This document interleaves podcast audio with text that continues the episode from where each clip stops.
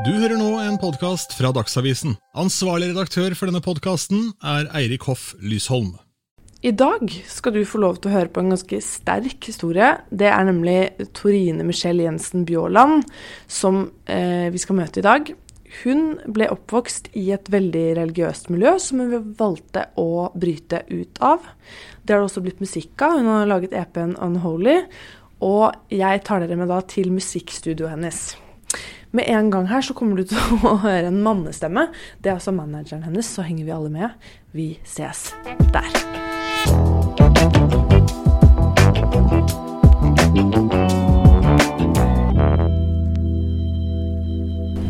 Det er jo liksom spiller musikk og øver alt sammen. Og så Ja. litt, det vil være litt preg av at Trine har prepjobb her nå, så ting er litt sånn på litt sånn på halv tolv. Hei! Hyggelig. Line, hyggelig. Hyggelig. Kult å møte deg. Ja, kult å møte deg òg. Velkommen til uh, studio. Takk. Det her er Magien skjer.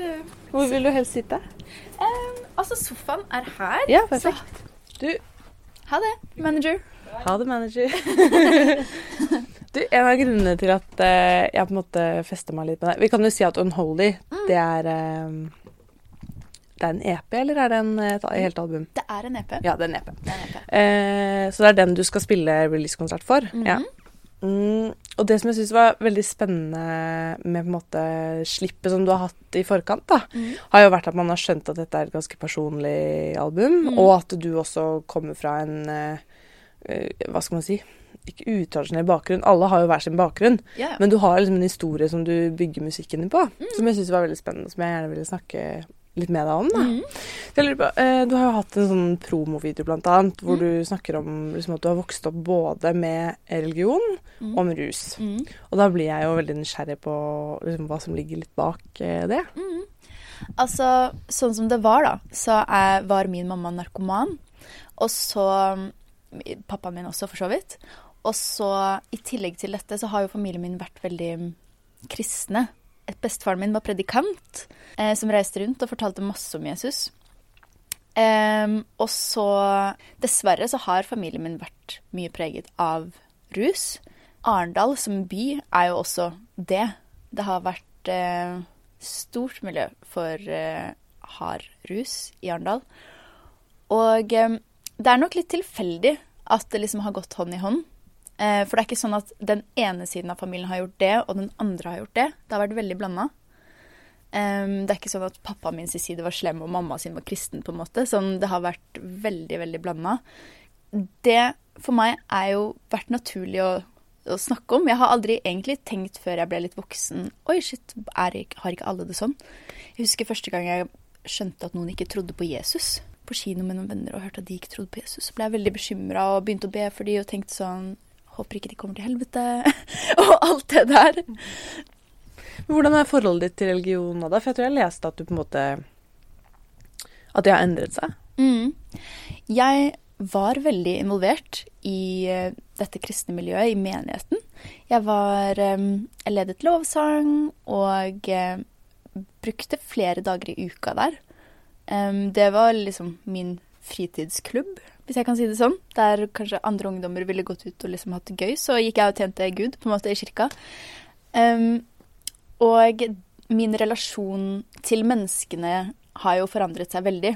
Min relasjon til reglene har forandret seg veldig. Min relasjon til Gud har aldri forandret seg. Min relasjon og oppfatning av Gud har alltid vært den samme. Og jeg føler at Gud bare er kjærlighet for min del. Jeg ser ikke på Gud som en sint mann som mener at homofile ikke kan gifte seg, på en måte. Um, så jeg mener nok at folk har misforstått veldig dette her, inkludert meg selv. Inkludert meg selv på veldig lenge. Um, så mitt forhold til religion i dag er at jeg ikke tror på det.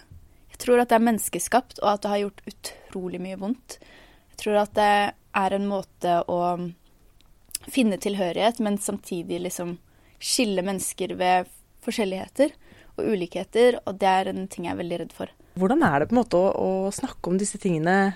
At det kan virke som du tar avstand fra et miljø som du har vokst opp med? da? Det har vært tøft. 100% Jeg mistet masse venner, eller jeg mistet egentlig nesten alle vennene mine, fordi det var jo der jeg hadde eh, relasjoner til mennesker. Det som er, det er at det har vært veldig naturlig for meg å snakke om det hele veien. Fordi at jeg har alltid fått høre at um, Gud elsker deg uansett. Eller sånn At jeg har fått høre at man skal være grei med folk og alt det der. Um, så jeg trodde veldig Det som er trist, er at jeg trodde, de folkene jeg trodde jeg hadde i ryggen, hadde jeg ikke. Så jeg turte å snakke om disse tingene. Og så Herregud. Og så har ikke de folkene vært der, på en måte. Så det har jo 100 vært tøft. Jesus Det skjønner jeg veldig godt. Nei, jeg er veldig imponert over hvor åpent og fritt du på en måte prater. Det, og det skjønner jeg jo eh, at det krever ganske mye, da. Altså, som sagt, for meg så har det alltid vært veldig naturlig. Det har um, aldri egentlig vært sånn at jeg har satt meg ned og tenkt sånn Herregud, for en trist historie. Alle disse problemene har ikke vært problemer i mine øyne. Det har bare vært min normal. Mm. Og barn blir vant til alt. Alt man vokser opp med, på en måte. Ja. Er det noe du kanskje bearbeider nå, da, nå som du er litt større? Sikkert. Ja. Det Å, herlig. Jeg har mensen. I, I will just say that med en gang. Du, det hadde ikke vært rart om du ble på en måte berørt selv om du ikke hadde Men kjenner meg veldig igjen i det. Da blir Ja. man eh, Ja, jeg blir så emosjonell på tuppa. Men for jeg vet jo at du har sagt at eh, liksom det med å skrive musikk har vært som en slags eh, Hva var det Jeg tror jeg leste at du sa at det var billig terapi. Ja, det er billig terapi.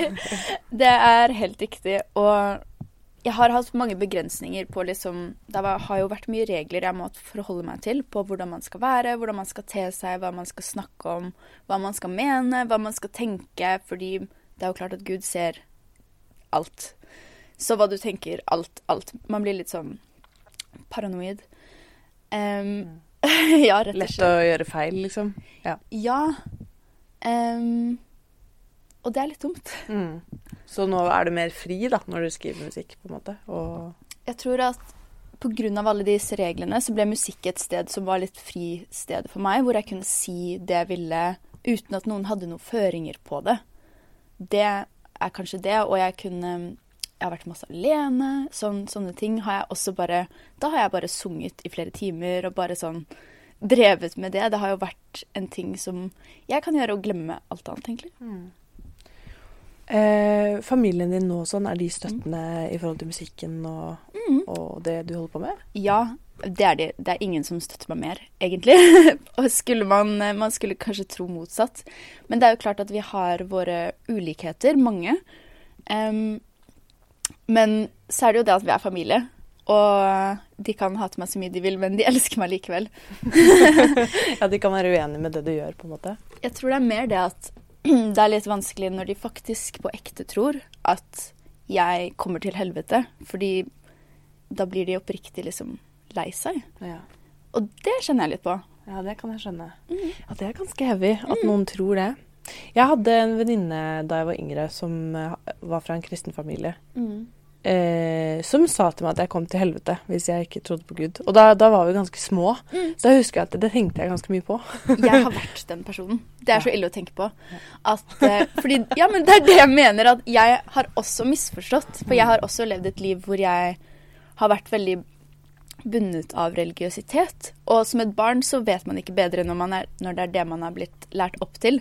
Men jeg har også sittet på overnattingsbesøk og sagt sånn Du må ta imot Jesus, fordi hvis ikke så kommer du til helvete. Og stakkars mine venner har jo bare sagt sånn OK, da får jeg det, da.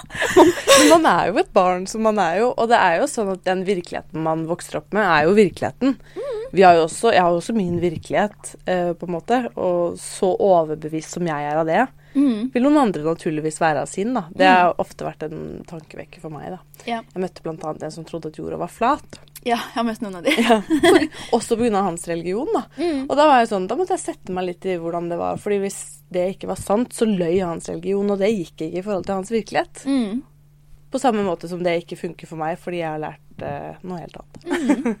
så jeg sier ikke at det ikke finnes fakta, men det er liksom Man må noen ganger eh, forstå hvor sterk overbevisning er, da, for å liksom klare å forstå mennesker, tenker jeg. Ja. Jeg er blitt veldig opptatt av hva som kan bevises vitenskapelig. Bare fordi at sånn Jeg bygde hele identiteten min opp rundt noe som jeg lærte i etterkant ikke var sant. Så jeg har blitt kjempe sånn Jeg tør ikke å tro på noe før jeg liksom Jeg tør ikke å si um, en historie uten å si sånn Dette vet jeg ikke helt 100% men det og det. Bare fordi at um, Nei, jeg er blitt så opptatt av å liksom vite 100% at det er bevist. Du, i morgen når du skal ha releasekonsert, hvordan Jeg har ofte tenkt på det når jeg er på konsert. Jeg var på konsert i går. tenker sånn Hvordan er det å stå på den scenen, og alle står og ser på Altså, hvordan blir du i, liksom, i den settingen der? Mm, jeg går inn i en veldig boble. Um, jeg har liksom hatt spysjuka og spydd rett før jeg skal på scenen, og så bare går jeg på scenen, og så er det Jeg føler ingenting. Sånn, jeg går inn i en helt annen boble. Det er min safe space. Og mm, jeg bare gjør sånn det eneste jeg føler jeg får til litt i livet. Det gjør jeg da. Så det er et ganske magisk øyeblikk. Det er ingen rus som kan gi den følelsen ever. Ingenting. Um, Det er veldig magisk å høre når folk synger med på sangene du har skrevet. Mm. Det er sikkert en klisjéting som alle artister sier, men når man opplever det selv på låter man har skrevet selv, så er det bare Jeg kan begynne å gråte bare av å tenke på det. En gang så mista jeg stemmen på, eh, på slutten av en låt. Olivia heter den. Og jeg avslutter med I'm really happy for you. Så jeg fikk ikke sunget den fordi jeg mista stemmen. Og da bare sang hele publikum akkurat den setningen. Og det ble et veldig sånn sterkt øyeblikk for meg, fordi da ble jeg sånn Herregud, vet dere hvem jeg er? Kan dere sangene mine? Fordi det er jeg ikke vant til i det hele tatt. nei, det skjønner jeg må være veldig spesielt når man har laget det selv. Mm. Um, du, har du vært med på Idol? Ja, jeg har det. Hvor gammel var du da? Uh, jeg var 16. Det var liksom rett etter tiden jeg begynte å uh, rivløse meg litt fra religion. Så det var et veldig stort steg. Um, og sånn religionmessig i kirka og sånn, så ble det ikke tatt godt imot. Det var en ting som gjorde at jeg ble litt pusha ut. Og jeg husker at jeg fikk beskjed om at de samla seg i en gruppe og ba om at jeg skulle ryke ut. Fordi at jeg da drev på med eh, avgudsdyrkelse, da. Så de gikk til, altså de gikk til Idol og sa Nei, nei, de bare, jeg fikk høre det av andre i menigheten. Så de hadde Det var noen som heia på meg, og noen som liksom lagde en kveld hvor de viste det på storskjerm. Så var det noen som samla seg og ba om at jeg skulle ryke ut, og ba om Ja, ba til Gud, ja. Ja, de ba til Ja, Gud. når du Ikke sa ba ba, så Å, ja. For meg var det bare sånn Ja, Det ja. fins bare én vei til her. Ja. Oi, ja. ja Mm. det, hvordan tok du det? Du er 16 år, liksom. Det må være ganske Man er Mm. sårbar når man er 16 år. I Ja. utgangspunktet. Igjen så turte jo jeg alt dette fordi at jeg trodde så at alle kom til At ikke dette var noe å reagere på. For meg, i mine øyne, så gjorde ikke jeg noe galt. Jeg gikk ikke bort fra Gud. Jeg kledde meg ikke uanstendig. Jeg brukte så vidt sminke. Sånn det, Jeg syns det var veldig, veldig trist. Fordi jeg så på kirka som mitt andre hjem, og føler jeg har vokst opp der. Så jeg syns det var kjempetrist, helt ærlig. Hvordan var eh, Idol generelt, da? Sånn Ble det veldig overskygga av på en måte det, eller var det, fikk du noe fint ut av det også? Jeg fikk masse fint ut av å være med på Idol. Um, jeg er ikke flau over å ha vært med på Idol heller. Jeg hører det er mange som er det. Um, ikke at jeg syns at jeg gjorde det mest kuleste jeg noen gang har gjort, men uh, det var jo en del av min reise, og det ga meg mye bekreftelse på at uh, dette går bra, og at det er lov å liksom prøve nye ting. Fordi det var på en måte den første em, ugudelige tingen jeg gjorde. Ja, vi kan si at du gjorde sånn hermetegn i lufta nå. Ja, gåsetegn, ugudelige ting. ja. Ugudelig, ja. ja. Nei, det, jeg syns det er spennende å høre om, fordi at jeg ikke er oppvokst med religion, så jeg har aldri forholdt meg til hva som er ugudelig eller ikke. Men Nei. Idol, altså, det Idol, det var ikke helt populært. Det var ikke helt populært hos alle. Nei. Eh, jeg er alltid litt sånn nysgjerrig når folk har vært med på sånn f.eks. Idol. da. Er det, har du en fun fact om Idol som vi, vi som ser på, ikke på en måte får med oss? Det er masse auditions før de som blir vist på TV.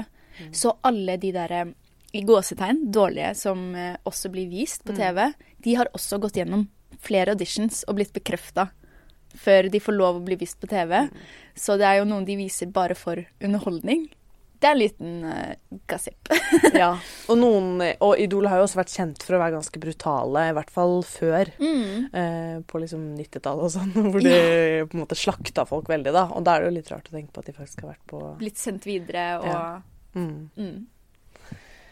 Ja, nei, det virker eh, Det virker ganske spennende da, å være med på sånt program. Det var utrolig gøy. Um, Hvor langt kom du? jeg kom på niendeplass. Ja, det er ikke verst. Det er ikke verst. Jeg var kjempefornøyd.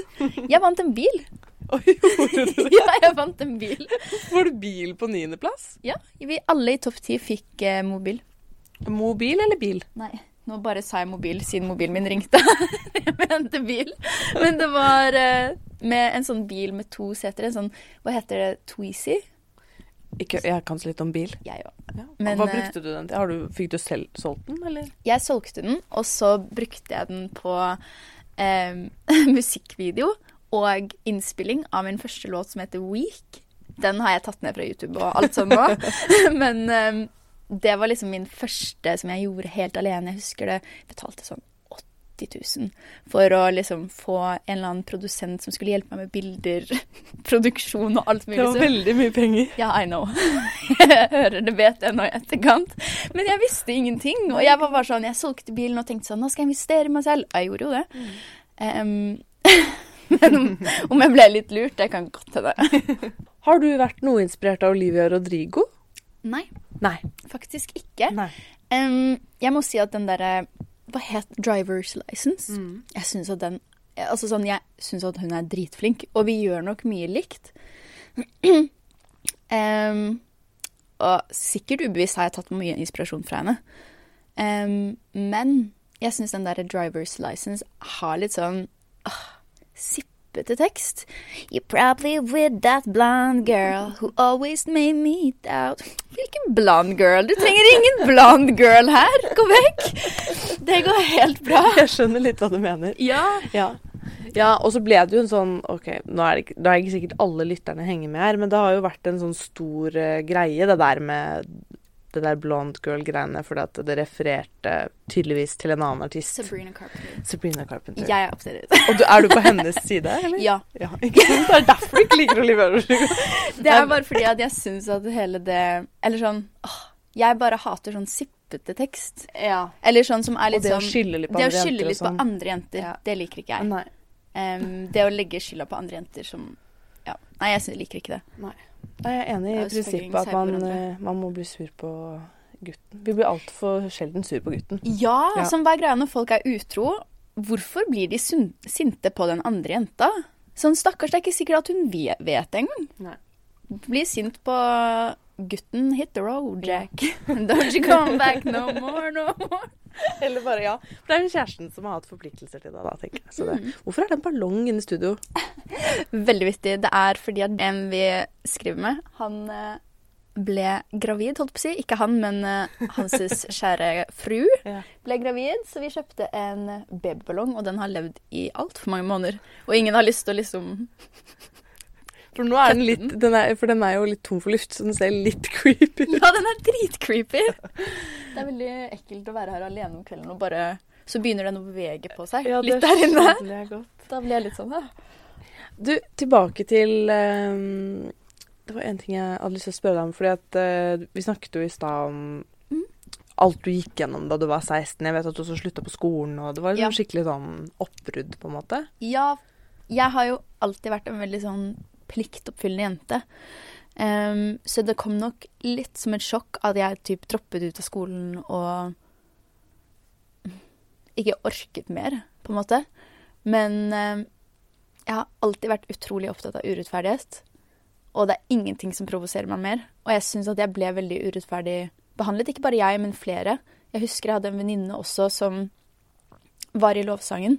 Vi var liksom en gjeng der som gikk sammen og brukte mye tid på dette. Og hun hadde en kjæreste, og vi var jo 15, 16, 14, fra 14 til 16 på den tiden, hvor hun da hadde ligget med kjæresten sin, da. Og hun ble kastet ut fra liksom miljøet. Og ble sagt at du får ikke lov å stå på scenen her, for du er ikke et forbilde lenger.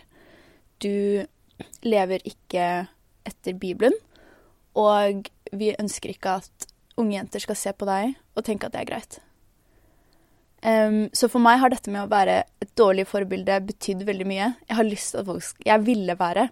Eh, Da jeg så disse tingene skje foran meg, så ble jeg så provosert og tenkte at herlighet, da skal jeg være det dårlige forbildet. Da kan folk se på meg og tenke at det går helt fint. Jeg, jeg kan ta den. Det går bra. Jeg kan være liksom det sorte fåret som blir utstøtt. Det går bra. Kaste meg ut istedenfor. Um, og eh, jeg håper det. Jeg håper at folk som trenger det, og er liksom bundet av regler, uansett om det er religion eller om hva enn det er. Jeg håper at de ser meg og tenker at hvis hun klarte det, så kan jeg klare det. Mm. Hvis du skulle gitt et råd til deg selv Mm. på den tiden, hva ville det vært? Stol på deg selv. Det har jeg brent, på, brent meg på så mange ganger, å ikke stole på meg selv. Man har magefølelsen av en grunn. Det er et instinkt vi har. Og jeg sier ikke at man skal ikke bruke hjernen sin, men hvis noe føles galt, så er det som regel en grunn til det. Um, og selv om tusen folk sier at det er riktig, og du fortsatt mener at det er galt, så mener jeg at da er det riktige å stole på deg selv. Det har jeg brent meg på så mange ganger. Hvor folk har fortalt meg at dette er dette, dette er dette. Og så in the end så har det jo ikke vært det som har vært best for meg. De har ikke hatt min beste Eller sånn, de har ikke ønsket meg vel med den meningen. Det handler mye om kontroll med de reglene, spesielt overfor jenter. Så har nok, det har nok blitt viktig for meg å pushe grenser som en jente. Jeg er veldig bevisst på at jeg prater om mensen og bæsj. Det er kanskje ekkelt, men det er fordi at som en jente så er det liksom så utrolig mange forventninger til hvordan, man skal være, og jeg er så drittlei av det. Sånn at en jente blir sett på som ekkel for at hun har mensen og alt det her, det kan man bare drite i. Hvis det hadde vært gutter, så hadde det vært helt annerledes. Ja, nei, det er veldig fint at du sier. Jeg er veldig enig med deg. Og det er sikkert eh, I religiøse miljøer sikkert ofte enda liksom, strengere. Men også bare i samfunnet generelt, tror jeg. At det Ja. er mange regler for hva en jente får lov til å si og gjøre, og når man er for mye og ikke. Mm, Som er mange mye normer. strengere. Ja. Mange liksom usagte regler. Mm. Hva annet er det du gjør da for å bryte med de normene? Mm, jeg har jo blitt sånn Jeg husker det da jeg liksom brøyt ut av det her, så hadde jeg i forkant blitt bedt veldig om å liksom dekke meg til. Og det var ikke noe sånn at jeg gikk noe utfordrende før. Jeg husker veldig godt at jeg la ut en video på Facebook, jeg og en venninne, eh, da vi var 14 år. Hvor vi da skulle liksom bade i snøen. Hvor vi hopper fra en veranda og ned i snøen. Dette blir jo filma litt sånn på avstand. Og jeg legger dette ut på Facebook, og ha-ha, så gøy, vi hopper i snøen, hoho. Så går det noen dager, og så ser jeg at det er noen som har slettet meg på Facebook, liksom et par stykker. Og så får jeg en melding, og de lurer da, og da er det en mann i menigheten, en voksen mann, som lurer på om vi kan ta en prat. Og jeg tenker sånn, ok, selvfølgelig kan vi det, eller sånn, hva er det som skjer? Og jeg får da høre at de blir da nødt til å slette meg fra Facebook, fordi at jeg blir en for stor fristelse i livet deres. Og jeg er da 14 år og føler at sånn Shit, jeg er uren. Jeg har gjort noe galt. Jeg Nå blir Gud kjempelei seg over meg. Eller sånn alt dette her. Um, og når jeg ser det nå, så skjønner jeg jo at ikke det er meg som var problemet. Men der og da så følte jeg meg bare så liten. Og ja Mange sånne hendelser som har gjort at jeg At det har blitt veldig viktig for meg å være naken. Det høres så rart ut. det har blitt eh, veldig viktig for meg å bare kunne være naken hvis jeg vil det. Ja. Uten at det skal være galt. Og jeg var liksom under seksuell lavalder da jeg kom i puberteten. Og det har vært veldig ubehagelig å bli seksualisert uten å være naken, hvis du skjønner. Sånn Jeg hadde ikke noe utringning, jeg hadde ikke miniskjørt, jeg hadde ikke liksom disse tingene, men fortsatt så var voksne menn veldig opptatt av hvordan jeg kledde meg. Og det har gjort at jeg får en, har fått en litt sånn fuck you, obstanasi, trassig greie, som jeg sikkert kommer til å vokse av meg på et eller annet tidspunkt, men som jeg har veldig behov for å eh, få utløp for nå, da. Men for meg så er ikke dette vanskelig lenger heller. Oh my god. jeg ble bare veldig rørt når du prater. Det er veldig, det er veldig sjelden jeg møter noen som prater så ærlig om så vanskelige ting. Og jeg må si at jeg bare blir litt sånn slått i bakken av det. For det er ikke så Det er ikke så ofte. Um, og dette er min normal det tok meg lang tid å forstå at ikke alle dere lever, har levd sånn. Så um, det er ikke noe jeg liksom går og tynger på. Men eh, det har vært en reise. Ja. Det har det vært. Og det er ikke rart at man blir emosjonell når man snakker om det, selv om det er ting man har jobba med. Neida. I det hele tatt. Du, tusen takk, eh, Torine, for at du vil snakke med meg. Tusen takk for at jeg fikk lov å komme. Det var skikkelig fint.